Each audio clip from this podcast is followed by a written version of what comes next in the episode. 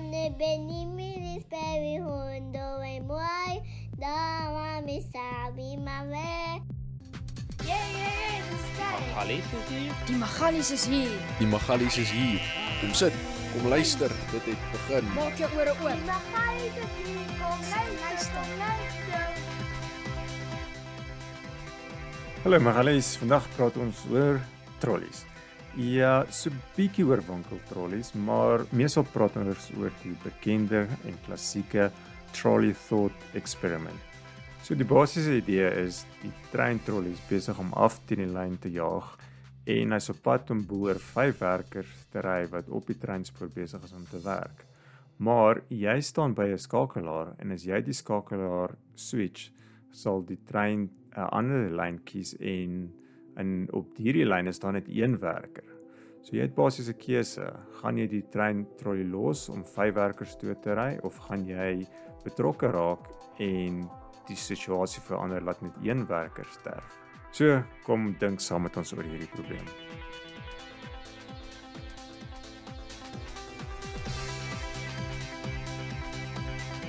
Ja, dit dit wel mag ons ons geheime deel met ons audience dat hulle nou nie weet ons ons rekord elke week noodwendig nie. Dit was 'n ruk sedert ons gepraat het.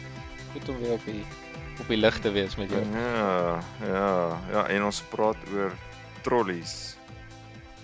Trollies, daar moet sekerlik baie wees wat ons daaroor kan sê. Pick and Pay.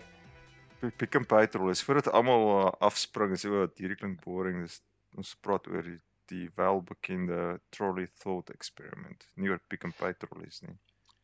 Rudolf, ek is nou so welbelese. En toe jy vir my van die trolley probleem gepraat het, moes ek vragtig twee keer dink. Ek weet nie is dit so bekend as ek nou die average Magali is. Ek weet nie weet almal van die ten minste ek weet nie van die trolley probleem totdat ek gaan kyk en dink, "Ag ah, ja, okay, ek het al so in broad strokes van die storie gehoor." Ek ek wonder die, die broad strokes van filosofie is 'n bietjie oor geloof. Is jy weet jy wie jy is? Is die realiteit waar? Wat is kuns? Wat is dit om goed te wees? Bietjie oor die en ek dink vandag praat ons bietjie daaroor oor utility. Ehm um, wat, wat is goed as dit goed is vir die mens Mm. op average of of hoe, hoe besluit jy wat is goed, daai tipe ding. Ehm um, maar die trolley probleem as sulks ek ja, ehm um, dis ek weet nie seker maar ek praat nou eintlik net dinge hierso. Ehm um, ek ek ek sou nie gedink het ah filosofie ja, dit sluit die trolley probleem in nie. dis nie wat- Okay. Ja. Maar miskien is dit maar net ek wat dom is. Maar ons sê ons wil nie oor trollies. Ons gaan nie oor Pick and Pay trollies praat nie. maar Ek wil dan so 'n bietjie oor Pick and Pay trollies praat. Of course, gooi hom. Ek die keer sny ek die strand uit. een een van my hoofprobleme in Australië is die Pick and Pay trollies. Anders as Suid-Afrika se trollies, jy weet mos soos eh, jou winkeltrollie, die voorste wiel swivel sodat jy Ja. kan draai. In Australië die voorste en die agterste wiel swivel. As jy kan sy langs beweeg. So jy kan sylangs beweeg. So basies met 'n die trollies soos in Suid-Afrika, die die die swivel point is die agterste wiele, maar in Ah, Australië die Is in die swivel middel. Nee, So dis center of jy. gravity even. juist die swivel point, reg? Die trollie O, draai ja, rondom jy's jou. So en dit dit is nogal, ek weet nie, dit is half jy kan half skerper draai en so, maar dit is oh man, ek haat dit. So jy moet basies jou force gebruik met jou lyf die trollie laat swivel. Ja, jy gaan jy gaan 'n sterk core kry as jy swaar trolley het. ja, dit is soos om core oefening te doen as jy winkel. En jy raak half gewoond aan die gesukkel en so aan en en ek het my eerste job in Australië het ek vir 'n winkel gewerk wat ehm um, deur Pick n Pay besit was. En hulle het gedog nee, Letterlik jy's Pick n Pay. ja, ja, so Pick n Pay, so die winkel chain se naam was Franklin's en hulle was besit deur Pick n Pay. Ehm um, is dis nou behoort nie maar hulle net dis verkoop. So toe het hulle gesê nee, jy sien ons kry hierdie armer ons is jammer, ons gaan Pick n Pay trollies in die land bring. En hulle Pick n Pay trollies in die land ingeship sodat mense dit probeer. Uh -uh, hulle hou nie As is daarvan nou nie. nie. Hulle hou van sukkel. Dude, ek het gedog, ek het gedog jy gaan die trollies. Hier by ons het ons hardeware winkel Brico en hulle laat net die agterwiele sowel. Ek weet nie d- d- daar is verseker 'n rede hoekom jy nie die agterstels wil laat so wil. Seker dat jy nie met swaar goed in rakke inmoer of iets. Ek weet nie presies Mm. hoe dit kan sin maak want dit is so donders ongemaklik. Moet my nie vertel die Belge hou daarvan in die hardewarewinkel om jy agter want basies soos jy sê, dan moet jy om jou trolley loop as jy wil rigting verander. Dis regtig ding is. Ek het gedog jy gaan sê die Australianers is so en ek wou sê kom aan kaas man, no chance dat shopping trolleys gaan agter. Okay, so jy het al 'n vier. groot probleem daarvan. So so is al drie al vier wiele so wil as jy teen 'n bult is, die wiele swaai outomaties af na die rigting van die afdraande toe. So jy kan nie jou trolley los nie, hy hardloop weg. O ja, ja ja, jy kan hom nie los teen 'n helling nie. So jy en jy kan hom ook opstoot nie want hy outomaties swaai. So jy sien mense wat met die trolley so skrappe teen bulte oploop en dan as jy probeer die goed in jou boot sit dan hardloop die trolley weg want want sy wiele is outomaties ge-align met die afdraande. Dit is een moers gesukkel en dit is jy jy voel jy word mal as jy kyk vir die mense en sê kan julle nie sien julle sukkel nie. Come on man, kry bietjie pick and pay trolleys. Dude, ek is ek is daai skaaknerd as die as die toue lank is in die winkel. Ek dink ons het dan ook ook trollies hierso wat op vier wiele swaai. Ek nou nie ek is nou nie soos jy het wat nou so bedonderd is as dan 'n twee ekstra draaiwiele is nie. Want ons winkels is level hier. Ons bou dit nie in 'n berg of in 'n grot nie. Ehm um, so dis nou nie eintlik 'n probleem in die winkel nie. Maar by ons As die tou te lank is, draai ek my trolley horisontaal sodat jy nader aan die ou voor jou kan voor COVID. Nader aan die Ja, ou voor ja. jou kan staan sodat almal so instek om sodat jy nie die die gange agter jou vol staan nie. En ek het gedink ja, okay. Mense dink seker maar ek's weird of iets of ek waai my weird vlaggie om te kyk dink iemand ek's cool wat ek het doen. Ja. Ja, alright, maar kom ons praat Anyway, oor- die okay. regte trolley probleem of het jy ook 'n staaltjie om te vertel? Nee, ek het vragtig nie 'n stalkie oor trollies nie. Jy's my een daarvoor. Ehm um, So vertel nou vir ons hoe ek weet in elk geval nie wie dit 'n trolley genoem het. Dis so stupid. Ek, ek het iewers gelees die vrou het in 19 wat 67 daarmee opgekom, 76. Ehm um, Mm. en sy het gepraat van 'n tram 'n 'n 'n tram. Maar miskien is dit 'n trein trolley waarvan hulle praat, iets op spoor. Wel, dis Ja, obviously iets op 'n spoor. Soos 'n ehm, myn trolley, soos iets op 'n spoorweg en ja, daar's verskillende versions daarvan af en hulle die e- die oudste recording wat hulle daarvan het is in die 1900 wat mense begin praat het oor trolley. Maar die basiese idee is is is jy dis 'n thought experiment wat opgestel is om jou jou brein bietjie in die gang te kry en te dink oor 'n paar goed. So so die basiese idee van die trolley eksperiment is jy het 'n trolley of 'n tram wat afgaan teen 'n spoor, maar op die spoor staan daar 5 mense en die trolley is nou pad om die 5 mense om te ry en toe te ry. Maar dan in die spoor is daar 'n split en jy staan by die split en jy kan 'n switch flip wat die uh trolley na na 'n ander spoor toe laat gaan en op die ander spoor staan daar net een mens. So jy kan nou 'n keuse maak in plaas van om f- laat die trolley net, net die trolley uit te los, laat hy die 5 mense doodry, flip jy die switch en dan gaan hy na die ander kant- toe en dan ry hy net een mens dood. So dan die vraag is, moet jy dit doen? Moet jy die switch flip? En meeste mense se antwoord is ja, natuurlik moet jy dit doen. Is beter laat net een mens doodgaan as wat 5 mense doodgaan. Ja, met met met my recent research het ek gesien hulle sê 90% van die mense sê ehm um, dit en ek het selfs een internet kommentator gehoor wat sê wel dis ek verstaan nie wat die wat die probleem is dan nie want obviously is dit beter as net een mens doodgaan as 5 en Is omdat hy so sterk so sterk voorkeur het. Ja. Ja, miskien, maar as jy hoor 90% dan klink dit tog dat die meeste mense kom daarop uit, maar dit voel ook vir my dis 'n bietjie soos ek weet nie as die polisie vir my vra, "Het jy die ou doodgemaak?" Ek ek sal 'n bietjie aarzel en so aan. En dit voel vir my is ek moes ook myself vra, is daar 'n trick hierso? O- Obviously gaan jy vir die een. Wel dan da, dan is daar verskillende we- weergawe van dit. Dan sê hulle alright, maar okay, jy het nou gesê jy sal dat die die, die uh een mens doodmaak in plaas van die 5 mens want dan is daar minder suffering basies in die wêreld.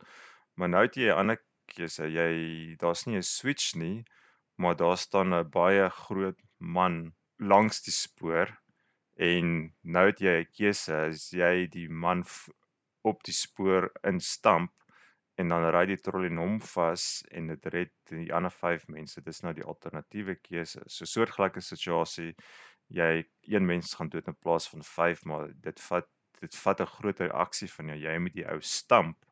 Ja, maar ja, maar dit is nou presies waar daai twee situasies is heeltemal verskillend en ek dink nie ek dink nie eers dit moet dieselfde trolley probleem genoem word nie want dit is ek weet nie wat 'n denkfout maak ons sê nie maar dit, ek, ek dink dit is 'n goeie toets dat jy dit vra maar die antwoord is hoe verduidelik jy hoekom is dit verskillend?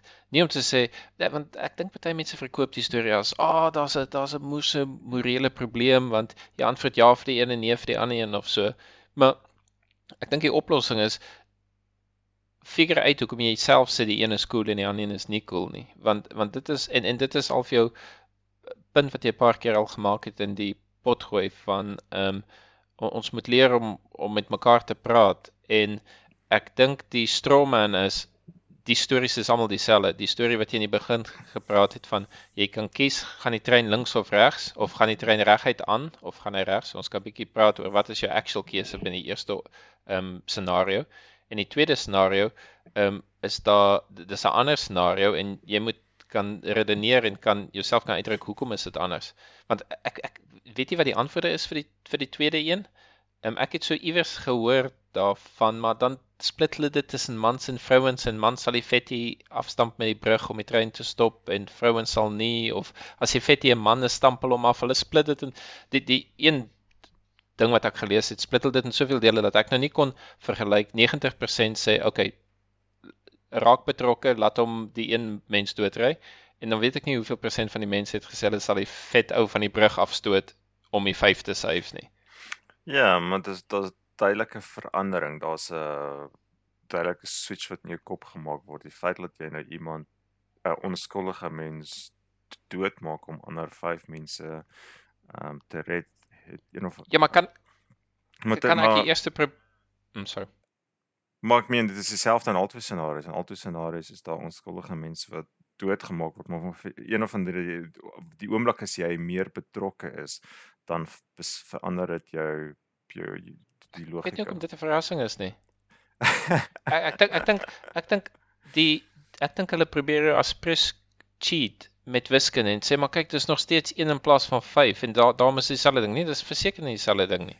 So in die in die ja. eerste een ons sê daar's 'n trein wat ry as jy niks doen nie ry jy 5 dood. As jy die die wisselaar verander dan ry jy 1 dood. So as jy net laat die gewone en en of course daar's da, nou nie allerlei ander goed wat jy kan doen nie. Die, die dis nie as jy sê nee maar miskien kan jy skree en die mense hardloop weg nie. In die scenario is dit letterlik jy doen niks en 5 gaan dood of jy doen iets en 1 gaan dood. En ek dink daar selfs daar is daar 'n probleem hoekom hoekom ek moontlik een van die 10% sou gewees het is as dit regtig sou gebeur het sou ek deur my aksie laat iemand doodgaan as ek niks doen nie kan ek sê wel ek het niks daarmee te doen gehad nie. Ehm um, alhoewel hmm. legally is inaction ook 'n aksie. Maar ehm um, So in die in die een raak jy betrokke en jy sê okay, ons verander dit van 5 na 1 toe en jy sê die 5 wat dood is omdat hulle op die treinspoor is, is net so skuldig of die een wat op die treinspoor is net so skuldig as die 5 wat op die treinspoor is wat nie daar moet wees nie. So die ou is reeds daar en hy het reeds 'n kans om dood gemaak te word. Ek weet nie sê hy het 1 uit 6 kans uit om dood gaan of wat is sy kans nou eintlik? Is dit 50-50 of wat nie? Hy's al reeds op 'n verkeerde plek. Die vet ou wat jy instoot is net soos jy 'n uh, 'n uh, 'n uh, derde party tot die probleem en jy maak jy volunteer hom. So so as jy sê sal jy self van die brug afspring om die 5 te red. Ek sien nie daai 90% sê ja, ek sal dit doen nie. en ehm um, jy maak volunteer jy die ander ou om vir die 5 toe te gaan waar as die ou reeds op die spoor is, ja, okay, hy sal reeds half op 'n verkeerde plek. So ek dink dit het meer daarmee te doen. Die vet ou sien almal as hy was nooit veronderstel om dood te gaan nie as daar net een spoor was met net een op, sal hy sê oh, ja, okay, in die scenario moet hy doodgaan. Wat maak jy ouens op die spoor?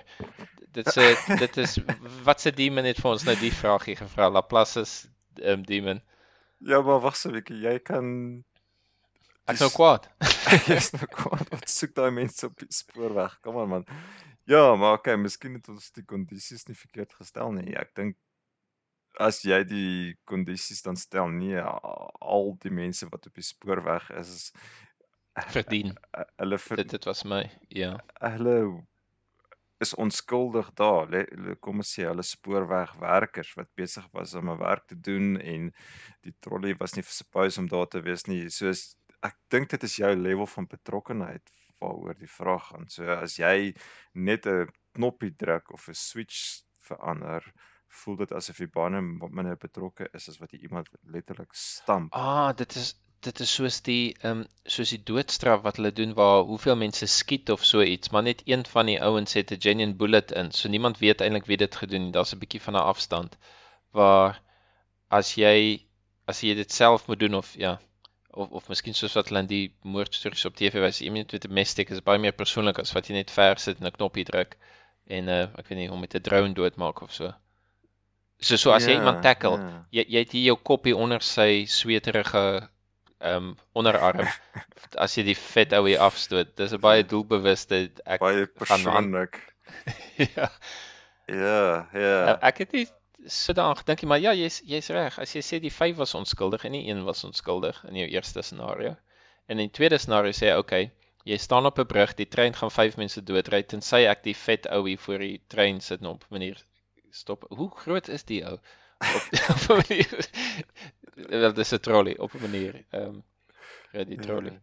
Maar deel van die ekspre okay, party daar's nou hon daar's nou nou lekker baie geklets oor hierdie trolley storie al en dis nou al op 'n punt waar daar memes daaroor is en dit het weer begin uh gewild raak in die 2000s en veral nou met self-driving cars het dit ook nou weer opgekom. So almal praat nou weer daaroor en dis nou Ek wil nou net sê, dis nou half amper 'n klise ding om oor te praat en dis nou half so 'n bietjie ai ons ons is nou so 'n bietjie konnie omdat ons oor die trolley probleem praat en so aan maar maar ek weet nie dit is dis tog ek het voel vir my ons is maar gallies en ons begin ons begin maar heel by die begin as ons oor hierdie goed praat. Ja, maar kom kom ons verander die storie want duidelik is die scenario so evil opgestel. Ons kan nou nie sien volgens my is daar nog steeds 'n verskil tussen 'n ou wat net hier op die brug stap en die ou wat op die spoor is, maar jy sê die goal van die toets was hulle is equal.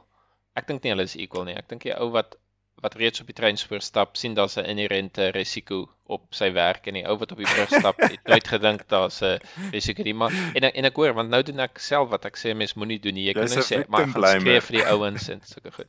Maar kom ons vat dan kom ons vat um autonomous driving, um AI wat jou karre bestuur. Ek kan ek net Want- een ding klaarmaak. So Mm. deel van een van die angles daarop is dis 'n toets van utilitarianism. So jy toe jy nou 'n bietjie jou huiswerk gedoen het hieroor moes jy raak gelees is oor utilitarianism. So utilitarianism is deel van 'n uh, filosofie uh onderwerp, deel van consequence consequentialism. So consequentialism is ons kyk na die konsekwensies van ons aksies. Dit gaan nie oor idees of oor wat jou hart vir jou sê nie, dit gaan oor die actual consequences. So as mens kyk na jou consequences, jou nagevolge, jou actual nagevolge is jy red 4 mense. Dit maak nie saak hoe jy daaroor dink nie. Dit maak nie saak. So een van die toetse is jy moet ook betrokke raak. Om die waarheid te sê, ek dink en, en ek weet dis nie die goal van die oefening nie. Maar as dit genuinely gebeur in real life, dink ek dis die grootste vraag wat jou gaan motiveer. Hmm. Wil ek betrokke raak by 'n scenario waar mense doodgaan? Al Hmm. beteken dit ek maak 'n keuse dat minder doodgaan. Dit maak my nie noodwendig 'n hero nie. So ek ek dink die die jerk cons- daar is. Hmm. Maar die consequentialist sal sê luister, ons praat die eindresultaat van wat vier mense gered gaan word is so belangrik. Die die gevolge daarvan is so belangrik dat jy die vraag moet ek betrokke raak of moet ek nie betrokke raak nie is irrelevant. Dit gaan oor die gevolge daarvan. Die gevolge daarvan is jy gaan vier mense red. So en hierdie ouens kan nogal heel calculated dink oor um hierdie probleme want as jy net dink oor konsekwensies raak dit baie calculated. Alright, ja, nee, ek sacrifice baie maklik een persoon want ek red vier mense. Daar's nie is want ek dink oor die konsekwensies, ek dink nie oor die arme ou wat onskuldig is nie. So die Ja. hele deel van die die switch wat jy doen om te sê, "O, okay, nou nou moet jy die ou stamp," is om te toets of jou consequentialism idees regtig so sterk in jou is want jy staan nou op en ek sê nie ek's 'n consequentialist, ek neem besluite logies. Ek sê vier mense red is beter as as die alternatief. So ek gaan altyd daai aksie neem. En nou en nou skielik nou switch hulle die probleem op jou en sê nee, jy moet nou ou gaan stamp. Is jy nog steeds regtig so groot konsekwensies soos wat jy gesê het jy O, okay. Ja, Want jy die knoppie moet druk. As jy die knoppie moet druk, is dit half baie maklik, maar as jy nou die as jy nou die ou moet stamp dan dan Ah. sê o, okay, dis nog steeds vier mense wat ek moet red, maar yes, ek moet nou regtig betrokke raak by die storie. So Ah, ek sien dis dis byna in 'n game waar hulle vir jou sê, "Ah, die maklike keuse wat jy vat, maar toe jy toe jy self jou elbow grease moet insit en die ou stamp, toe besluit jy nou nou wil jy en dit wys vir Ja. jou dat jy's vol stront. Ja, so is jy nou regtig is jy regtig nou so sterk konsekwensies soos wat jy gesê het jy is.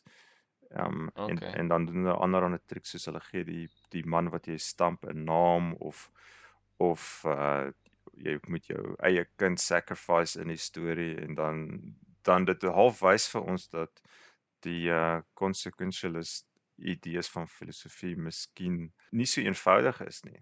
Dis nie dis nie net 'n wiskundige sommetjie wat jy doen en Ek kan myself nie help om heeltyd aan ander goed te dink wat ek self gesê het ek moet nie doen nie. Eerstens wat ek wil sê is so so die trolley probleem is ten minste die die die twee probleme. Dis nie net die eerste probleem nie, want daar's die die die probleem is nie moet 5 of 1 doodgaan nie. Die probleem is hoekom verander jy jou tune?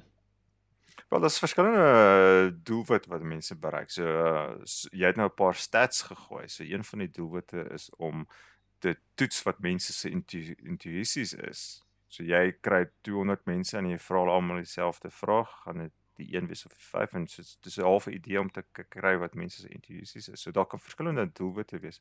Hoekom jy Maar die my my eksperiment my oorspronklike punt was dis nie 'n probleem as 90% sê ja, ons druk die knoppie en nie almal van daai 90% wil die ou afstoot nie want volgens my is dit twee verskillende scenario's maar die way jy dit vertel dat dit byna klink nee jy sê is presies dieselfde situasie.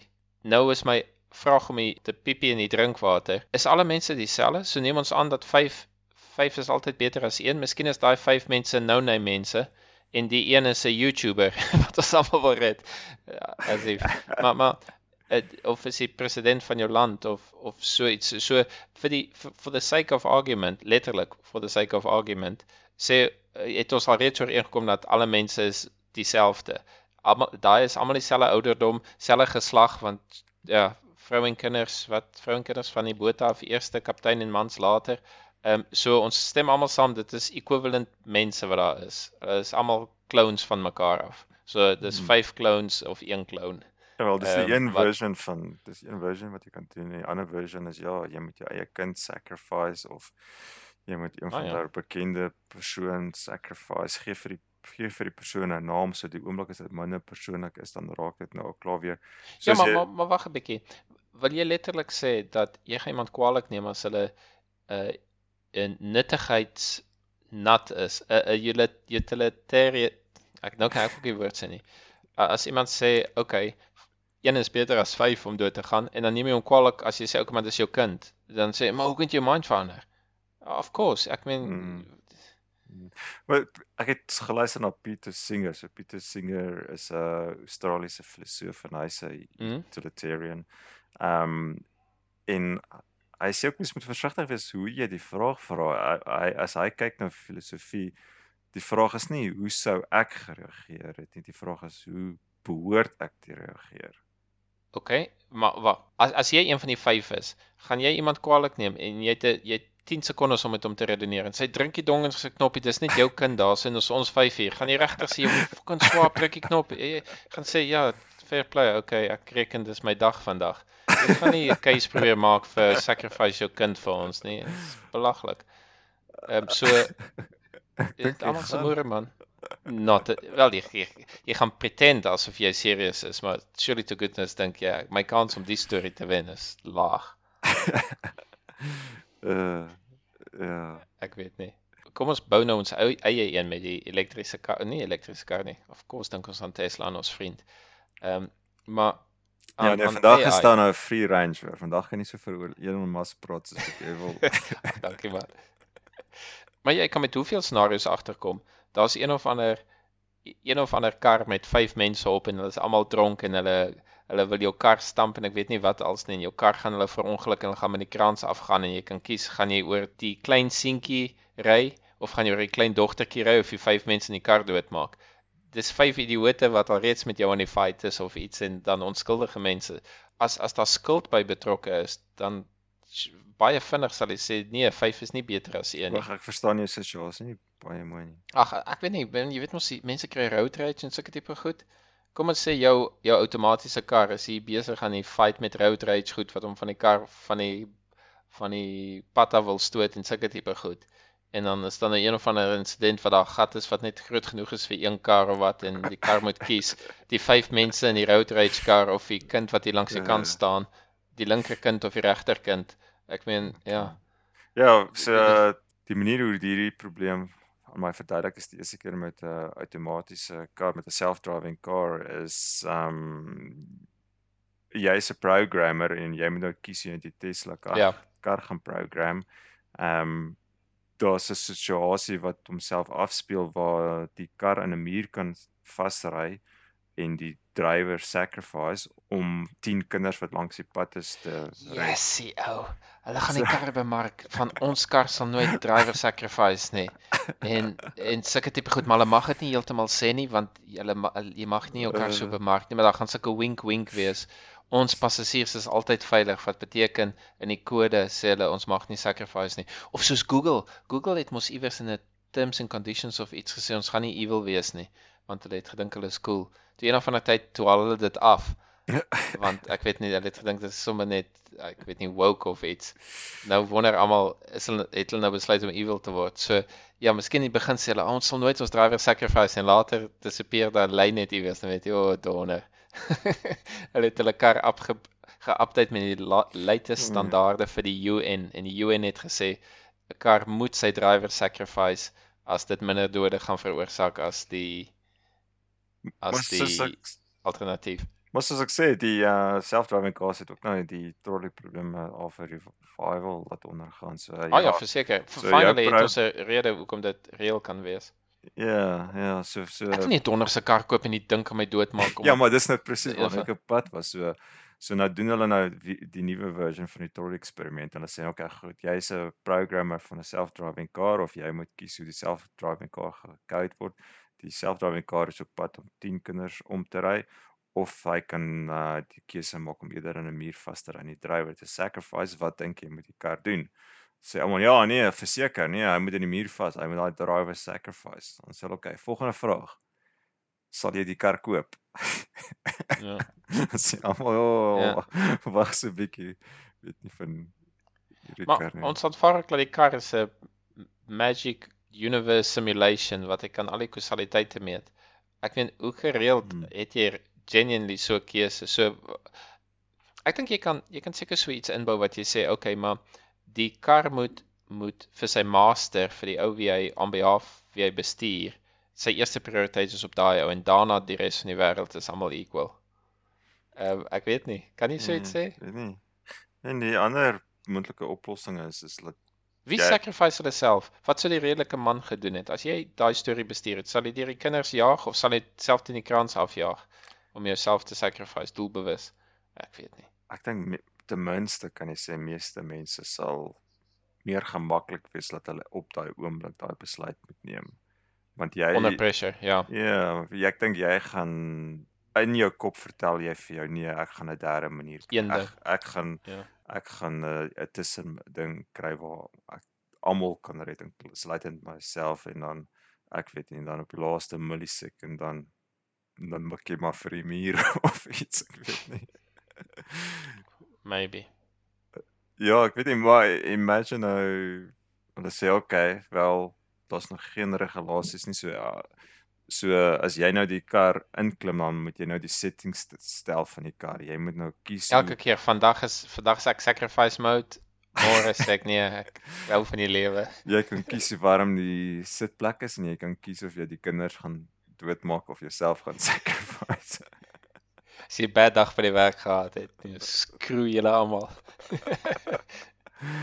uh ja, so ja, I mean die idee van thought experiments is is om jouself in situasies te sit en jou intuïsies te toets en dit dan te push oor die limit. En ek dink ons almal doen elke dag thought experiments. Ehm um, tog Ja, jy moet is- jy dit moet tog is- vir ons die Afrikaans opsoek van thought experiments. Ek ek dink ons almal doen elke dag tog thought experiments. Moet ek petrol in my kar gooi? Moet ek? Kom ons dink. Kom ons dink wat gaan gebeur as ek nie petrol in my kar ingooi nie. Ja, gaan daar op die highway staan. So ja, ek gaan petrol in my kar gooi. So ek dink ons ons doen gereeld thought experiments um, om Ja, maar dit is bietjie anders, biek- want daar's duidelike met die ehm um, etiese probleme. Daar's duidelike knee jerk default dis wat society moet doen en dan jou eintlik eie persoonlike view en jy kom op heel vers- verskillende antwoorde uit en dit is vreemd vir my dat ek dink meeste mense het 'n baie vinnige instink van ja, okay, eerder 1 as 5. Dit kom al vinniger en makliker as om jouself in daai scenario te sit en te dink wat sal jy doen? Waar kom dit Hmm. vandaan? Dat daai eerste respons is dit wat jou ouers jou geleer het, jou inst jou kultuur of jou moraliteit? En dan wat noem jy die tweede deel as jy jouself in die skoene sit van dit en dan kom jy eintlik agter, "Jessie, miskien sal ek dit nie doen nie." En en hoekom is die een so vinnig? Ehm um, die dit- antwoord en die tweede een vat meer effort om te dink, jy sê eintlik sal ek dit doen nie. Wel, die eerste een voel soos 'n eenvoudige wiskunde probleem. Soos 1 versus 5, baie maklike antwoord. Ek dink dit voel soos 'n baie eenvoudige wiskunde probleem. Okay. Ehm, um, maar hoe meer jy jouself in die situasie insit, hoe meer jy betrokke raak, hoe meer ernstig dink jy daaroor. Jy word half geforseer om meer ernstig daaroor te dink en ja, weer eens, dis die hele idee van thought experiments is om bietjie daai boundaries te te te push. Ons het nou die dag met Michelle gepraat oor jou knoppie toets. Dit was half half een van die eerste thought experiments wat ek uh die idee van 'n thought experiment het by my opgekom is is jou knoppie toets van ja, jy wil op 'n sekere plek kom maar jy het 'n sekere hoeveelheid hassles wat daarmee saamgaan. So imagine it yourself, vergeet van die hassles en imagine jy druk 'n knop en jy's outomaties daar sal jy dan daar wil wees of nie daar wil wees nie.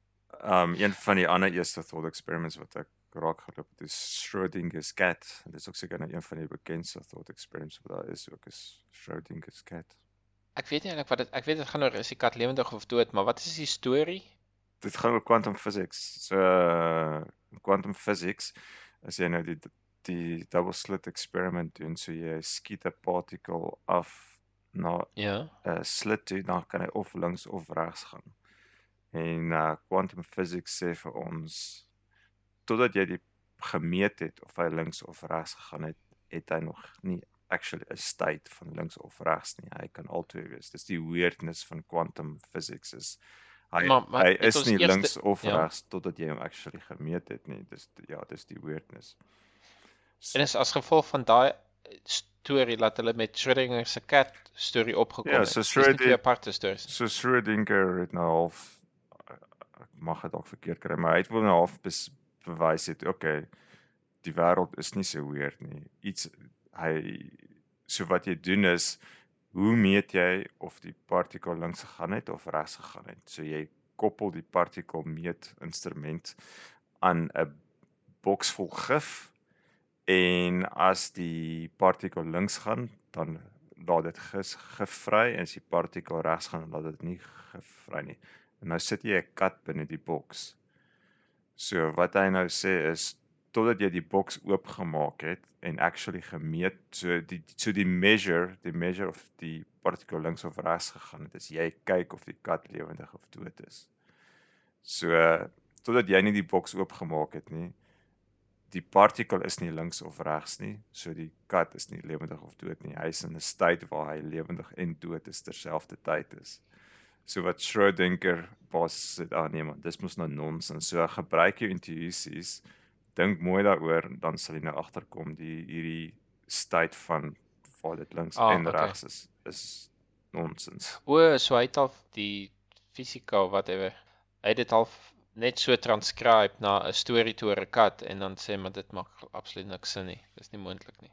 Ja. En hy dit gebruik om tot daai conclusion te kom. Ja, en hy hoef nie eens 'n kat doodgemaak het nie, want jy kan net die idee is jy kan net dink daaroor en jy kan self tot die uh gevolgtrekking kom dat uh dit werk nie so nie. So en en die ehm um, die key ding daarso is is dat hoe dinge op kwantum vlak werk en hoe dinge op ons vlak werk is verskillend want daar's ehm um, klomp goed wat gebeur as jy op 'n hoër vlak is. Ehm um, entanglement is een manier en ons het al ons het al van tevore daaroor gepraat oor dis waar Deepak Chopra en sy makkers confused raak want hulle die idee van observasie word misbruik dit dit dit Ah oh, ja. Die observasie, die universe het al lank al geobserveer of die kat lewendig of dood is nog lank voordat jy die boks oopgemaak het. So die die idee dat die mense observasie so groot rol speel is absoluut nonsens. OK, maar laat ek ons nou terugbring na die trolley toe. Wat is die nut van die trolley storie as 'n geheel? Is dit iets van watch out vir jou eie judgement oor hoe goed moet werk want as jy self daarin sit dan is dit heel anders. So ons moet meer ehm um, simpatiek wees. Is dit wat ons leer daaruit? Wel dit dit vat die, die hele idee van thought experiments en verskillende weergawe van die thought experiments is om gee jou 'n geleentheid om te dink daaroor. ek het ek probeer altyd vir Emma my ja, 4-jarige, môre se 4. Oh, nice. Um, ek um, probeer vir haar mooi opvoed en so aan. So ehm um, dan gaan ons nou parkie toe. Nou ons is expats hier. Almal of meeste mense praat Frans in Brussels. Ehm um, so so dit sukkel maar sit nie soveel maatjies in die begin gehad en so en dan gaan ons nou na speelparkie toe. Dan leer ek nou van jy moet nou terug staan as die ander kinders is en so aan as hulle nou eerste daar was en so aan. Maar toe kom ek agter sy is eintlik so sag geaard sê daar iets het gebeur sy was bang vir seentjies of so. so as daar seentjies is dan vries sy net en selfs al is sy voor dan wil sy nie iets doen nie en dan dis soos 'n vierrigting stop. As iemand paniek in 'n vierrigting stop dan moer dit alles op want niemand weet dan later om te gaan. Hy so ek het toe later agterkom sy uiteindelik nie ek moet haar nie terughou nie ek moet haar eerder encourage. En toe kom ek agter van die kinders wat daar speel is so en dan sal nou ouer kinders ook speel sy was seker op die tyd 3 jaar of so dan staan nou hier so 'n silwer pyp, soos 'n glyplank wat toe is waar jy nou kan afgly, maar die kinders hou daarvan om op te klim ook. En ehm um, dan is dit nou ouer kinders man, dan dink ek wat speel julle nou hier op die klein kinders so goed? En op 'n stadium het ek net dit voel dit vir my dat 'n switch in my kop gegaan dink ek julle almal se moere.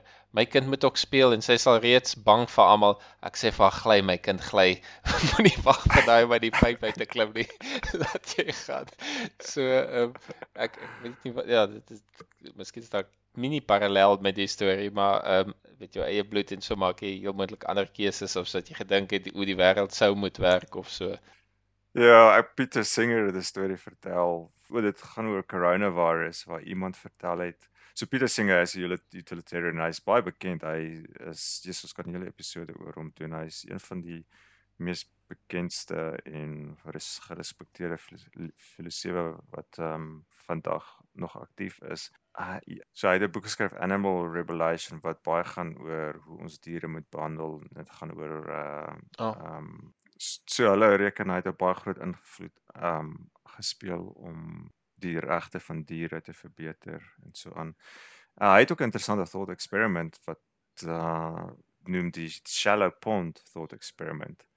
So uh, jy loop langs die pad en daar is 'n klein dammetjie, 'n vuil modderige dammetjie en jy is nou op pad in 'n belangrike meeting toe jy het 'n lekker dier suit aan en so aan Maar terwyl jy langs hierdie dammetjie loop, sien jy daar's 'n kind besig om te verdrink in die dammetjie. En die die dammetjie is vlak genoeg dat jy kan net in die dammetjie instap en die kind red. Die kind uittrek, maar in die proses sal jy jou suit ruïneer wat jy nou mooi aangetrek het vir die belangrike meeting. So wat sal jy doen? Sal jy die kind red of sal jy nie die kind red nie? Sal jy jou suit prys gee om die kind te red? En meeste mense sê ja, natuurlik sal ek my soet. Ja. Ek kan nou hoor wat wat se snack gooi jy in om dit nou ewe skielik anders te maak. Wel, sy redenasie waar hy nou dit dan afvat is okay, daai soet van jou het 100 dollar gekos.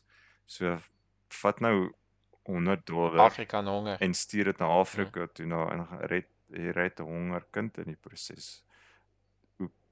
So jy sou baie maklik die kind red in die yes, dammetjie ja, reg ja. langs jou maar Lukskat. en jou 100 dollar suit sacrifice maar hoekom stuur nie dan 'n 100 dollar Afrika toe nie so en hulle so ja so die ou het baie groot invloed met uh in die samelewing met hierdie Ja, maar wag.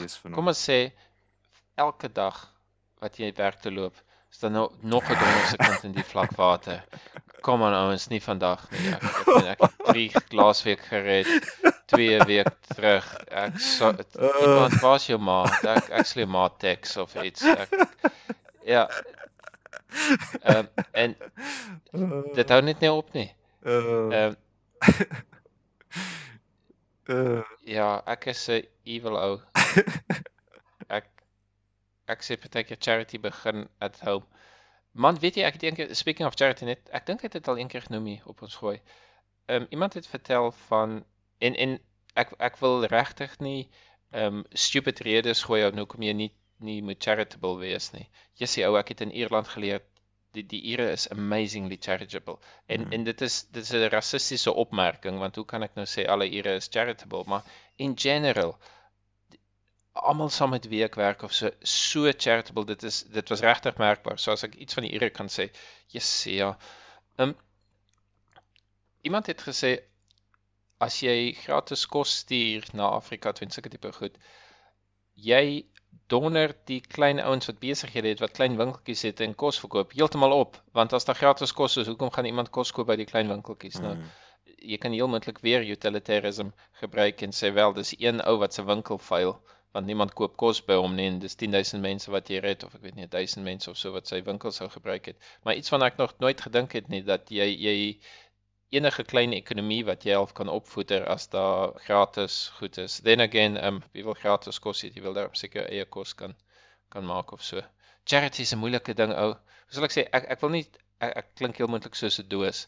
Ek ek dink ek's reg en miskien maak dit nie saak dat dat ek reg is nie. So ek wil myself 'n bietjie ver verskoon vir wat ek gaan sê, maar iemand wat doodgaan is nie deel van die statistiek van môre se probleem nie. Iemand wat jy vandag red, moet jy môre van iets anders red. So dit is nie net raak van malaria ontslaan nie. As jy ontslae is van malaria, dan is die volgende probleem daar en die volgende probleem Afrika het of nie net Afrika nie, arm plekke het baie meer as net een keer se hulp nodig. En en dis half my was was my joke van die kind in die water. Ehm um, daai 100 euro wat jy gaan stuur, nee, as jy die kind se lewe gered het, dan het hy education ook nodig. Daar's 'n hele infrastruktuur wat moet kom. Ehm um, ek weet nie hoe red hulle armoede of het enige um, ekonome 'n plan daar nie. ja, daar is actually 'n ja, plan. en- Jy sê ou charity, jy kan mense so negatief kry met charity. Dis wat Ja. presies wat ek nou besig is om te doen. As hulle sê hoeveel sente van 'n rand gaan actually in die charity en Mm. en sulke tipe goed. Okay, maar Ehm, kom maar Pieter Singer, deel van die utilitarianism is daar's 'n nuwe beweging wat se naam effective altruism is oor hoe kan jy die grootste effek hê met charity. Ehm um, so een van die goeters is met jou hele kosprobleem wat jy van gepraat het is hulle sê altyd die beste ding is om geld te stuur. Want soos wat jy sê die oomblik as dit nie geld is nie veroorsaak jy probleme. Ehm um, om Dude, weet jy, ek het toe ek kind was al agtergekom. Wag 'n bietjie. Ons stuur poppe na Rusland toe en Rusland stuur poppe na Afrika toe. En dink ek, wat is al die Mhm. gevlieg? En en ehm um, sorry, ek ek sal weer 'n voorbeeld gee wat ek weet obviously nie waarvan ek praat nie want ek was nie daar nie. Maar dan sal mense vir semi-sending werk of so vlieg hulle vir 3 maande na ek weet nie Australië toe van Suid-Afrika af en dink jy klink byna soos 'n vakansie. Ehm um, ja, en ah, weet jy, ek het net nou daar gehoor, ek het nie geweet dit bestaan nie. Daar's een of ander ding waar daar's 'n company wat sê net maar George Clooney gebruik en baie famous mense en dan ek weet nie, betaal jy nou 50 euro en dan kan jy 'n Lamborghini wen en die company en dan sê hulle dit gaan vir charity, maar daar's so 'n skema van die company raak moeryk en hulle help half arm charities om klein bietjie geld te maak, maar hulle doen dit met celebrity endorsements of so en hulle het basies gesê jou kans om te wen is so klein en die die geld wat aan die charity toe gaan is so klein. Toe sê hulle maar op op die eind was die argument half as jy in elk geval gaan dobbel moet van jou dobbelgeld nie dan charity gaan nie, Mm, 1% of wat ook al die persentasie is nie. En dis kind of daai tipe ding wat ek ja, hoor enige iets wat as jy net 1 sent na 'n arm land toe stuur help dit nie. ja, maar dit Is- gaan is dit nou nie genoeg dit nie? gaan nou weer terug op uh, utilitarianism. So jy behoort 'n koue berekening te doen en te sê luister as ek 100 dollar stuur, gaan ek 'n verskil in iemand se lewe te maak. Maar Um, Maar- maar- baie van hierdie goed is boring om geld te stuur vir malaria. Exactly, dis ja. baie meer exciting. Mm. Miskien kan ek 'n Ferrari wen en miskien gaan 2 sent van my 50 En euro selfs net die charity. idee dat jy blikkies kos vir iemand stuur is meer interessant as om geld te stuur. Hulle ook mense getoets en vra hulle vra soos daar het jy About Schmidt gekyk? Nee. So Jack Nicholls se karakter. Sy vrou is dood en hy is hartseer en sit in die aand in TV kyk en kom hierdie een van hierdie ads op waar jy iemand in Afrika kan help en dan dan so half spur of the moment dan stuur hy nou vir iemand in Afrika geld en maar die skema werk op 'n manier dat jy vir 'n spesifieke kind geld stuur. So dan Ah, ja. en dan stuur die kind vir jou brief en die brief se naam is Nkontlu. Dis 'n heel oulike storie aan begin Jack Nicholson nou van Nkontlu 'n brief skryf en vertel van hoe hartseer is hy dat sy vrou doodgaan en vandag het hy nou die huis probeer uitsorteer en hy afstort sy hart vir Nkontlu.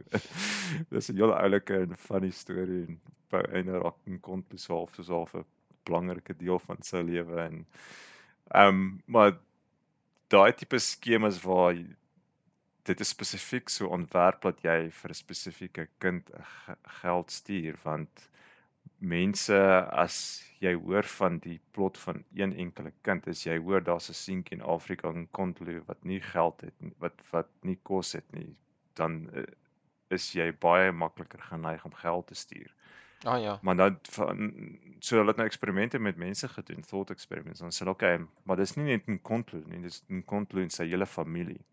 Die oomblik as jy sê dis die hele familie, dan drop die care factor. En dan sê hulle sê o, dis nie net sy familie nie, dis die dis die hele dorpie wat swaar kry. Kan kan jy asseblief vir die dorpie geld stuur? En dan drop die care factor nog. Hoe meer mense swaar kry, hoe So almal in die dorpie, almal in die dorpie skryf briewe aan Kontlu se behalf. Ehm um, ja, dis nou half wat hulle doen die charities is om die care factor te maar dis so half so al ironies, dis uh hoe meer mense daar betrokke is, hoe minder gee jy om want dit raak maar maar Rudolf, weet jy, 'n ek- ek het nou net aan gedink vir vir Jack Nichols, sê nou maar jou geld gaan regtig net vir daai een persoon. Gaan jy nie ewen meer gee om te sê "M, nou kan hy 'n klein karretjie bekostig. Ek gaan nie net 'n fiets vir hom stuur en 'n skaap nie. Die ou gaan soos 'n king lewe. En op die ou end en en toe dink ek dan op die ou end het jy hom about aangeneem, maar ek dink sodra hy by aanneem kom dan gaan mense nou weer die case drop. Jy sê ou.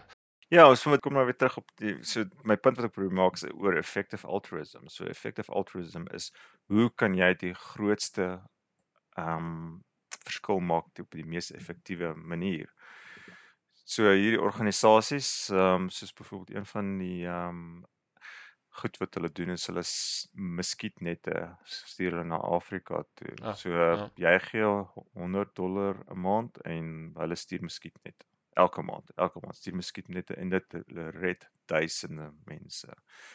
Maar dit is half boring want al wat jy doen is jy stuur net geld elke maand. Jy stuur net geld elke maand. Daar's nie daar's nie 'n storie nie, daar's nie 'n kind nie, daar's nie en dis elke maand maar net 'n 'n aftrekorder wat teen 'n naam ingaan. Maar die effective altruism probeer daai utilitarian manier van dink by jou inbring wat sê luister, doen nie wiskunde, doen die regte ding gebaseer op die wiskunde. So jou vraag oor Hm. charity wat se ja, so daar's al baie navorsing gedoen oor wat se tipe charity is die die beste oplossing en een van die beste ding wat hulle kan doen is opvoeding en dit gaan saam gaan hand in hand met mense se kondisies. So jy verbeter mense se kondisies. Die oomblik as jy mense se kondisies verbeter, begin hulle investeer in opvoeding. As mense begin uh opvoeding kry, dan begin hulle minder kinders kry en alles word net beter en beter en beter. So opvoedkunde is een van die sleutels tot 'n uh, ordentlike charity. Ek gaan bietjie spore verander en en Ek dink ons het al. Ek wou ek wou vir jou gevra het van meeste ehm um, dinge in filosofie het at least twee pole sodat jy daar kan beklei. Anderste ek weet nie wat se ding opgelos. Wat wou vir jou gevra het wat is die teenpool van utilitarianism en ons weet nog steeds nie wat die Afrikaans is nie. Ek seker iemand kan vir ons laat weet Kobus van Makkelneek vertel tog vir ons wat is utilitarianism in Afrikaans en ek dink daar is iets daar's nie 'n teenpool daarvoor nie ek dink Die probleem is utilitarianism gaan oor 'n prediction van 5 is beter as 1.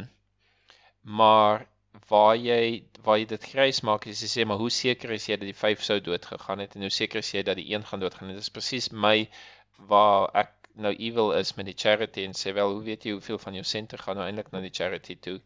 En wat is die volgende probleem? So ehm um, Ons sien nou hulle kos vandag, maar hulle het nog steeds hulle bokke wat al die dink nie blare op eet. So dit is jy maak die beste besluit met die inligting wat jy het, maar weet jy die inligting is ewen naaste by goed. En, en dis nou maklik ons kan die trein of die trolley probleem hmm. gebruik. So al vyf sou verseker dood gegaan het. Jy kon nie eens een van hulle gered het nie. Daai wat is die storie van hulle? En sê wel daar's 'n 90% kans dat die vyf gaan doodgaan, maar daar's 'n 100% kans dat die een gaan doodgaan. Ehm um, En en dis basies probleem met utilitarianism. Ons ons weet nooit wat se beste vir humanity nie. Wat is die beste vir humanity? Om jou een prins in Kontlu so ryk as moontlik te maak of om sy vier sissies, sy gesin op te bou of om die hele town vir 'n week te voer en jy hoop maar daar's daar's nog wat is die beste uitkyk vir die lewe en en dis moeilik om op grond daarvan ewen net so simpel scenario wat ek nou hier opgebring het, wat is die beter opsie? Ek dink dit is altyd duidelik wat die beter een is en dis wat die probleem daarvan. Ja, ons kan seker almal knee-jerk saamstem. Ja, wat ook al die beste vir humanity is, is die beste. Okay. So wat is een van die opsies is nou eintlik die beste? Dit dis dis half daai gambling argument waar as jy dobbel kan jy maar net sowel dat 1 sent van uit 100 uit gaan vir charity, maar miskien moet ons dobbel stop. miskien is dit ook nie goed humanity nie. Ja, um, een van die frases wat ek Pieter Singer baie hoor gebruik is all things being equal. Ah, ceteris paribus. Sê jy? Ceteris paribus. Ek weet nie hoe om dit uitspreek nie, een van die Latyns wat hulle vir ons in ah, ekonomie geleer het. Dit dit is soos wel, soos enigiets anders eh, met wetenskap en so as jy begin in fisika formules gebruik en so en sê daar's 'n klip wat soveel weeg en jy trek hom so ver saam jy en en, en jy vergelyk met 'n ander een, jy vereenvoudig dit al van sê okay, daar's geen ander variables wat verander intussen ja, en so. So as jy nou moet dink of jy 100 dollar moet spandeer op blikkies kos en 100 dollar vir blikkies kos oor see met pos of jy moet 100 dollar pos all things being equal die geld is beter as die blikkies kos. Al voel dit nie so lekker nie, dit voel lekkerder om iets fisies te stuur. Um, Dis kom ek geld vir my verjaarsdag wil hê. maar dit is ja, ehm um, daar's nou 'n hele paar stories wat ek moet klaarmaak. Vir my eerste plek vir my dit was vir my interessant toe ek nou in Australië aangekom het hoeveel anders te charity in Australië is as in Suid-Afrika. In Australië is dit ja, jy koop 'n blommetjie en jy weet as jy die blommetjie gekoop het, dan gaan daai geld na een of ander charity toe en jy weet nie regtig waaroor die charity gaan nie, maar jy sien almal koop blommetjies en dan koop jy ook nog maar mm. blommetjie. Terwyl in Suid-Afrika jy maak jou voordeur oop en jy stap uit by jou voordeur met 'n boks vol klere. en daar's mense wat jou bestorm en dankie sê vir jou omdat jy ehm um, vir hulle klere gee. Dis dis daarom soveel anders te wêrelde. Ehm um, charity in Suid-Afrika is voel vir my op 'n manier amper makliker. Ehm um, maar terug by Pieter Singer die joke wat ek wel die, die, die storie wat ek wou vertel het is um ja, utilitarian is half nou gesien as half hierdie op op 'n manier is dit jy jy kyk half koud na die lewe. Jy doen 'n wiskundige berekening en so. Maar wat sê ander opsie? So Pieter Singer vertel. Om geen berekening net met jou hart te gaan. Wel kom ons praat daaroor en hierdie is miskien uh miskien is die Pieter Singer storie 'n goeie voorbeeld daarvan. So hy vertel nou die mm -hmm. storie waar iemand het vir hom gesê, ehm um, ja, hulle voel baie skuldig want hulle kan nie by hulle ouma gaan kuier as gevolg van coronavirus. En hy sê, ja, okay, so jy voel nou sleg omdat jy nie by jou ouma kan kuier nie, sy's alleen en so, maar jy doen die regte ding want jy as jy by haar gaan kuier is dit 'n risiko. So hoekom jy het geen rede om skuldig te voel. En dan joke Pieter sing hy sê ja, hy kon seker maar net gesê, "Ag oh, ja, dis sad dat jy nie by jou ouma kon kuier nie." so dis al vir ek weet mens kan seker nie heeltemal die emosie uit die saak uitsit nie. En dis dieselfde met die ehm um, die man wat jy op die treinspoor stoot met die trolley is. Jy's daar's tog 'n emosie daaraan en mens kan tog sien dat dit in daai spesifieke situasie dit gaan nie net oor die wiskunde nie. So ek dink dit is kan jy half sê is die die moontlike flaw van utilitarianism, ek weet nie. Ek het nou nie so baie huiswerk gedoen dat ek vir die antwoord kan gee nie. Maar daar's obviously weet jy. daar's obviously iets wat verkeerd voel daaroor en daar's obviously iets wat sê nee, jy sê mens kan nie net 'n wiskundige sommetjie doen nie. Ehm um, daar's 'n ander soortgelyke thought experiment wat jy's 'n regter of iets, daar's 'n moord gewees en daar's nou 'n mop mense wat nou demand dat jy iemand straf vir die moord wat gepleeg is. So en hulle hulle sê dis daai groep, is iemand in daai groep daar's 'n klomp ouens met uh blou bultrye en hulle sê is een van daai mense van die blou bultrye wat die blou bultrye aan het. Dis een van hulle wat die moord gepleeg het. Die mop kom aan en hulle sê jy moet sorg dat een van daai blou bultrye verantwoordelikheid verantwoordelik gehou word.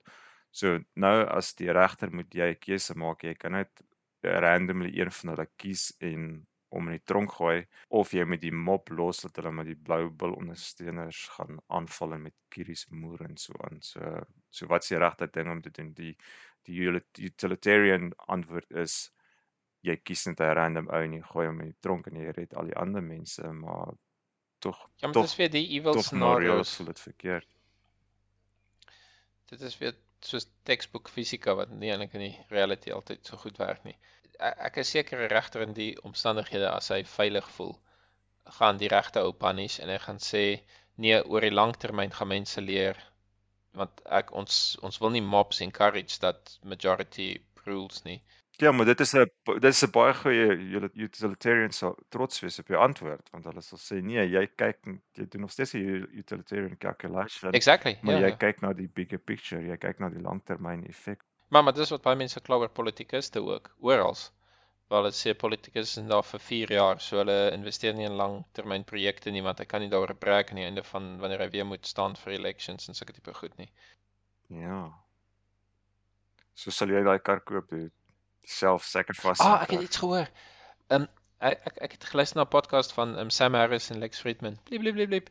En Sam Harris het gesê wat gebeur as jou AI kar moet 'n besluit maak tussen mense, maar verskillende velkleure is is makliker of moeiliker om te identifiseer deur die AI net statisties. Hy kan vinniger net maar wit mense identifiseer as swart mens of so.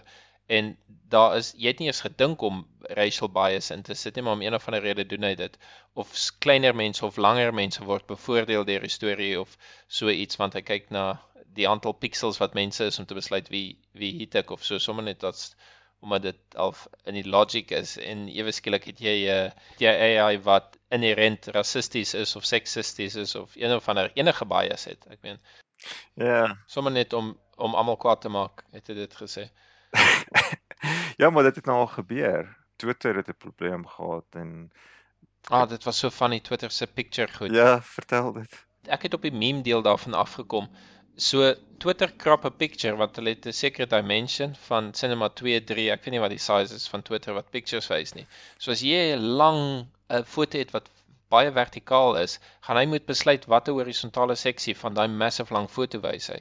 Dan kan jy 'n wit mens en 'n swart mens al op verskillende hoogtes sit en dan kyk jy nou waar fokus Twitter. Gaan hy vir jou in jou preview net die wit mens wys of net die swart mens of net die vrou of net die man of net die bikini of net die bike. Jy kan ek meen jy kan enige twee goed daar saam sit. Ek het op Rockets gesien wat hulle lag vir watter deel van die rocket want hy basies besluit hy in die moerse prent waar ek nou 'n deel gaan moet krap, watter deel krap ek?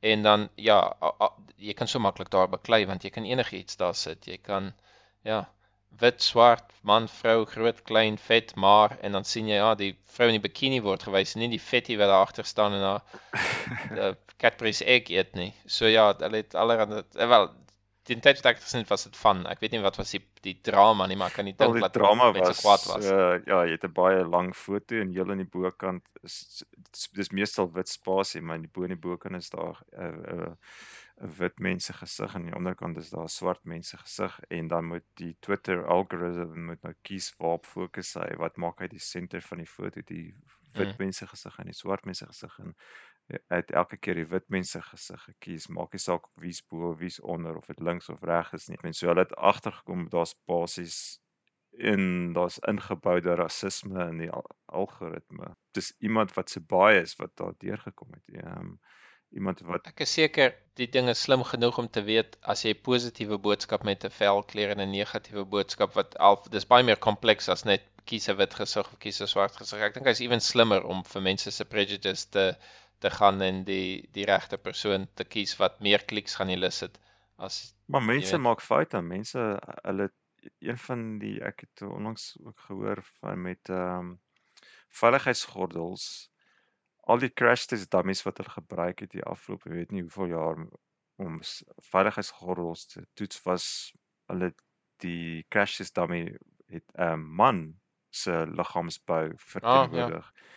En hulle het agtergekom dit actually lei tot dat meer vrouens doodgaan omdat hulle nie behoorlik die goed toets vir vrouens nie want Ek kan dit 100% verstaan. Dis moeilik om te sê wat is die average mens. Ek het 'n um, ding gesien die ek dink is die R5. Die R5 is 'n Suid-Afrikaanse geweer wat gebaseer is op 'n Israeliese een. Een van die veranderinge wat hulle aangebring het was um die average Israeli is korter as die average wit Suid-Afrikaan toe ons geveg het in Angola. So in daai tyd het hulle 'n geweer gemaak met 'n groter kolf want die average Suid-Afrikaner wat basies 'n Nederlander is, is groot mense, tol mense en die average Israeli is te klein, so om die geweerkolf gemakliker te maak. Toe apartheid gesneuwel het, toe het hulle weer teruggegaan want toe's daar swartes ook in die mag wat nie so lank is soos die soos die Nederlanders nie. So toe raak die average weer anderste en en toe het hulle nie meer die lang kolwe nodig van die geweer nie. Wat is my punt? Ehm um, iets te doen ja, jy jy moet nou terugtrek ja. na trollies toe. Ek kan net nie terugtrek na Torres nie. Ons het oor iets anders gepraat, oor die rasisme in die algoritme. Ja. Ehm ja. ja, wat is 'n average mens? Ek dink daai al ons het almal biases en ons het preferences. En ek is meer likely om op die Twitter te klik as sy in 'n bikini is en en slank gebou is as wat sy uh as hulle hulle kan dit seker van my uitfigure, maar hulle kan seker van general van die bevolking ook weet waarop klik mense. Dude, ah, daar was iets van in Spanje, kan jy glo, hulle het 'n diversity ding gehad en die poskantoor het seels gemaak met die verskillende velkleure. Ek weet nie was daar 5 of 6 verskillende velkleure, different shades. En toe het hulle dat die die swart velkleur, ek weet nie was dit 'n swart posseel of 'n donkerbruin of wat nie. Dit was die goedkoopste seël. En die mense het mental geraak. Hulle was so die moere in die poskantoor en dan dink jy my eerste instink was is jy mal om om posseels te maak oor velkleur? Is dit deel van rasisme nie laat jy nie velkleur sien eerder as jy jy, jy sien al So sê hulle nee nee nee, hulle het actually daaroor gedink en hulle het gedink nee maar die die goedkoper seël word meer gebruik. So dan is daar meer swart maar die beiernis van jou kop druk Ah, om jy te dink okay, ons gaan nou 'n waarde sit, 'n sekere euro sent op elke seël en dan 'n 'n- velkleur kry Ek kan nie weet nie. Uh, Wat with whichever way Jy kan- jy jy kan nie weet nie. Jy gaan iemand met so 'n plan kan jy nie wen nie. Iemand gaan kwaad wees. Otherwise iemand gaan kwaad wees. Ja, maar dit voel vir my met die fotokrap ook. Iewers gaan iemand kwaad wees en tensy iemand 'n line code ingesit het van ek weet nie, soek vir wit of soek soek vir swart en en highlight dit. Ja, ek weet nie. Ja, ek weet nie. Laat ek jou nou vra, wat wat het ons nou geleer hier uit vandag? Ek weet nie, ek wou maar net half die idee van uh thought experiments opgebring het en ja, die O, nie noodwendig utilitarianism nie, Nie maar utilita- meer Ja, ons het nou 'n paar goed gecover. Ons het oor die trollies self gepraat, ons het oor thought experiments gepraat, ons het oor utilitarianism gepraat en mens kan seker 'n meer detail episode doen oor utilitarianism en utilitarianism is 'n branch van consequentialism, so mens kan nog dink lekker babbel oor consequentialism. Um Peter Singer is amazing. Ja, yeah, ek wil op stadium van sy boeke lees. Dis jy gooi 'n situasie na hom toe met een of ander thought experiment of een of ander probleem en hy begin dit te verduidelik en hy begin dit te analiseer en hy sê ja, jy moet hier aan dink en jy moet daar aan dink. En die, die dude is regtig amazing en ek dink dit is deur heeldag hierdie tipe thought experiments te doen kan jy regtig jou brein ontwikkel op 'n manier wat jy leer om alle dinge in ag te neem en al is dit hipoteties dink ek jy leer nog steeds hoe om ordentlik te redeneer en dis miskien besluite wat ons alledaagse uh, lewe kan beïnvloed en Peter Singer reken hulle het 'n vreeslike groot invloed op ons lewens gehad en het al 'n paar mense omgekrap ook. Het hierdie een van sy idees wat hy oor gepraat het een keer is dit raak so 'n bietjie aan aan bors hier. So uh, hy praat van 'n situasie waar dit is baie algemeen as daar babas gebore word en hulle is baie baie baie baie erg gestrem en so gestrem dat uit die oomblik as hulle gebore is, dan moet hulle op masjiene gesit word om hulle lewendig te hou. En baie keer dan sê die dokters, luister, hierdie kind gaan nie lank leef nie, gaan nie 'n goeie lewe hê nie. Moet ons nie maar net die masjiene afsit in plaas van om die kind te probeer red nie. En dit gebeur baie dat hulle net ja, daai kinders word net daai babas wat gebore word word net nie op die masjiene gesit nie en hulle gaan half natuurlik dood. So en dan vat hy die argument verder en sê, "Oké, okay, so as dit is hoe ons redeneer, dan is die kind gebore word, maar hy het nie 'n masjien nodig nie, maar so die kind kan oorleef op sy eie of haar eie vir 'n ruk. Is dit dan nie beter om die kind te euthanize nie?" As hy reeds gebore Ja, is. die kind is gebore, maar die kind is erg gestrem en gaan nie 'n lang en gelukkige Ah, lewe hê okay. nie. So gaan baie gestrem wees, gaan baie swaar kry, gaan in pyn wees. So as jy die ander kind nie op 'n masjien sou gesit het nie, hoekom moet jy euthanize jy nie maar hierdie kind net die eindresultaat is dieselfde. En ja, Pieter Singer is baie baie hel gegee omdat hy hierdie ehm um, standpunt Ek gemaak kan het dink.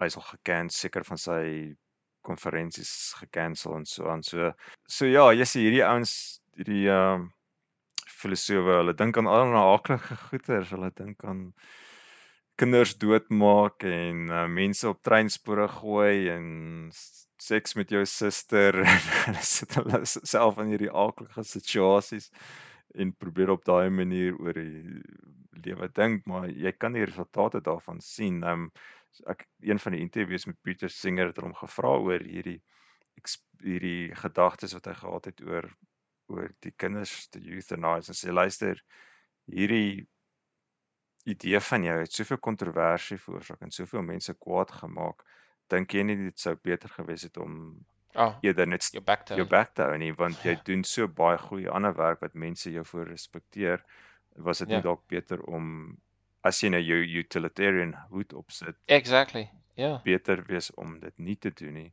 Ja, en die ou se antwoord is net amazing. Hy sê wel, eerste plek sooner or later sou iemand hom dalk so 'n vraag gevra het en dan sou hy 'n eerlike antwoord moes gegee het, maar kyk, kom ons sit dit op sy dan kyk hy verduidelik hy in Duitsland nadat hy daai standpunt uitgesign het, het sy boeke in Duitsland, sy verkope van sy boeke in Duitsland het vir 10 dubbel so Oh, wow. So miskien as hy die werk wat hy doen as belangrik en goed beskou, dan was dit tog die regte ding gewees om te doen. So dit gee definitief jou een van 'n skill om dit om jou te jouself in hierdie thought experiment situasies te sit en jou te leer dink oor etiese probleme. Dit gee definitief een van 'n skill. Ja, maar almal het ook maar 'n preference. Ek meen, ja, ek ook nou nie van die kind of dit ek het nou nie aanklank veel gevind met die die kindstorie nie, maar ehm ja, almal het seker maar 'n level van appetite. Seker mense wil glad nie hulle tyd mors met wat se fantasy thought experiments hulle en ehm vir vir my ek ek dink jy, jy het gesê jy kan al ek gee nie eens om om by die regte antwoord uit te kom. Ek, ek of vir my maak dit nie saak dat my konklusie miskien 'n flaw in het nie. Van hoekom sal ek die knoppie druk maar die man afstamp nie? Vir my is net die discovery dat o, hier's wat ek dink ek in die situasie sal doen en en, en al hoe sal ek sê selfkennis van o, okay, ek is Hmm. toe nou dit is toe nou nie so clear nie of so Hmm. dit is vir my alreeds 'n wen. Nie om te weet al oh, wel al my logic maak sin nie, net om te dink, okay, dit is wat ek nou sou gedoen het en as ek myself daarin dink, ja, ek sal tog so so t- vir, vir my is die daai appie wat vir homself in die spieël kyk, ehm um, die introspeksie van o, hier's wat ek sal doen. Ja, dis entertaining. Maar ek meen jy voel tog jy leer iets. Jy voel tog jy sit jouself in 'n posisie. Jy Ja, oor myself. Dit voel nie vir my ek oefen een of ander logika 'n muscle nie. Dis meer ek oefen 'n uh, wel jy leer oor jouself. Dis wat jy gesê het. ja, leer, leer oor myself. Want- Ek, ek exactly, leer oor Want jouself. iemand sal jou 'n vraag vra en jy sal 'n onmiddellike antwoord hê en dan dan modify jy die situasie bietjie en dan okay, alright, nou moet ek nou okay, miskien Exactly, en miskien ek- het ek nie so reg gedink die eerste keer. Miskien is hierdie goed meer complicated as ek reg gedink het dit is.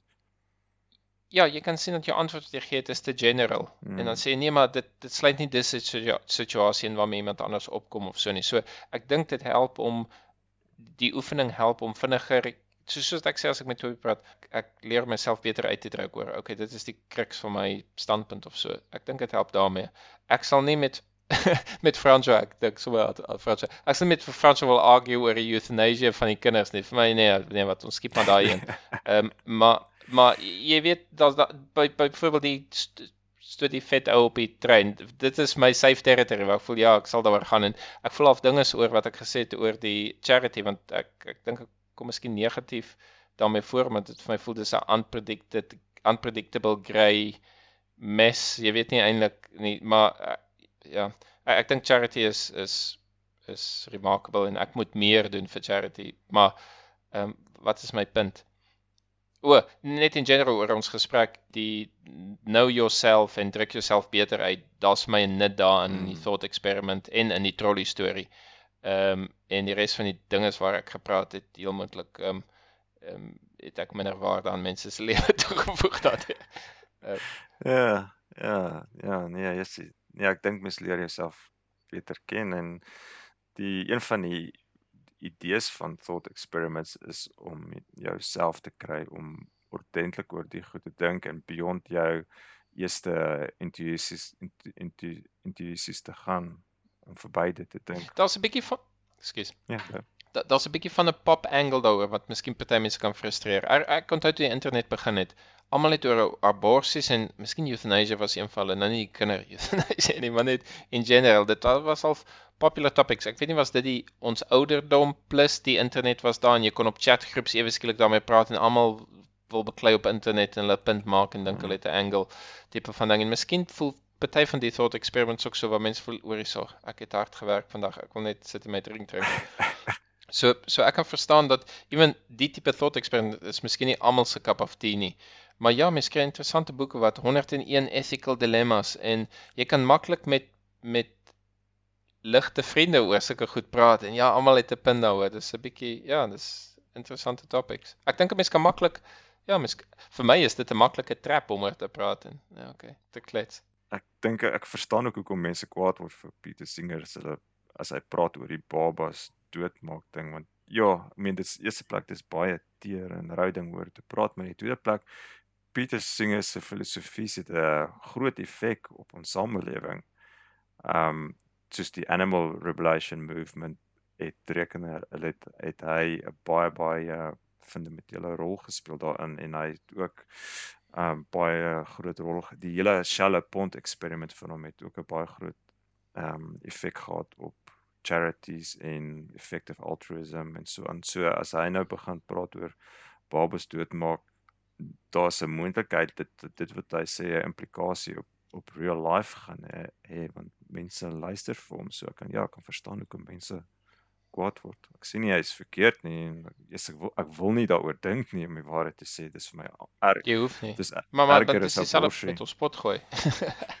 Ehm um, ja, jy, jy hoef jouself nie onder daai stres te sit as jy nie mm. wil nie, maar ja, daar's 'n YouTube uh, uh, op Twitter wat sê for those playing along at home. Ja, as jy as as jy wil dan play along en yeah. jy, jy kan oefen. Party mense wil 'n maraton hardloop en hulle self sop nat sweet, ander wil yoga doen en dit rustiger vat. Ja, so ja. almal kies maar die level van involvement of nul. So vir die wat tot nou toe gebly het in ons program baie dankie. Julle is maraton atlete. Ja, maraton sprinters. Ja. En ja, hooplik môre is daar iets anders om oor te praat behalwe die weer. Wat oor trollies. Ek hoor wat hy ouens kwyt geraak het. Donder se Magalies self weer gepraat oor vet mense op treinspore gooi en. Alright, dit. Waar is so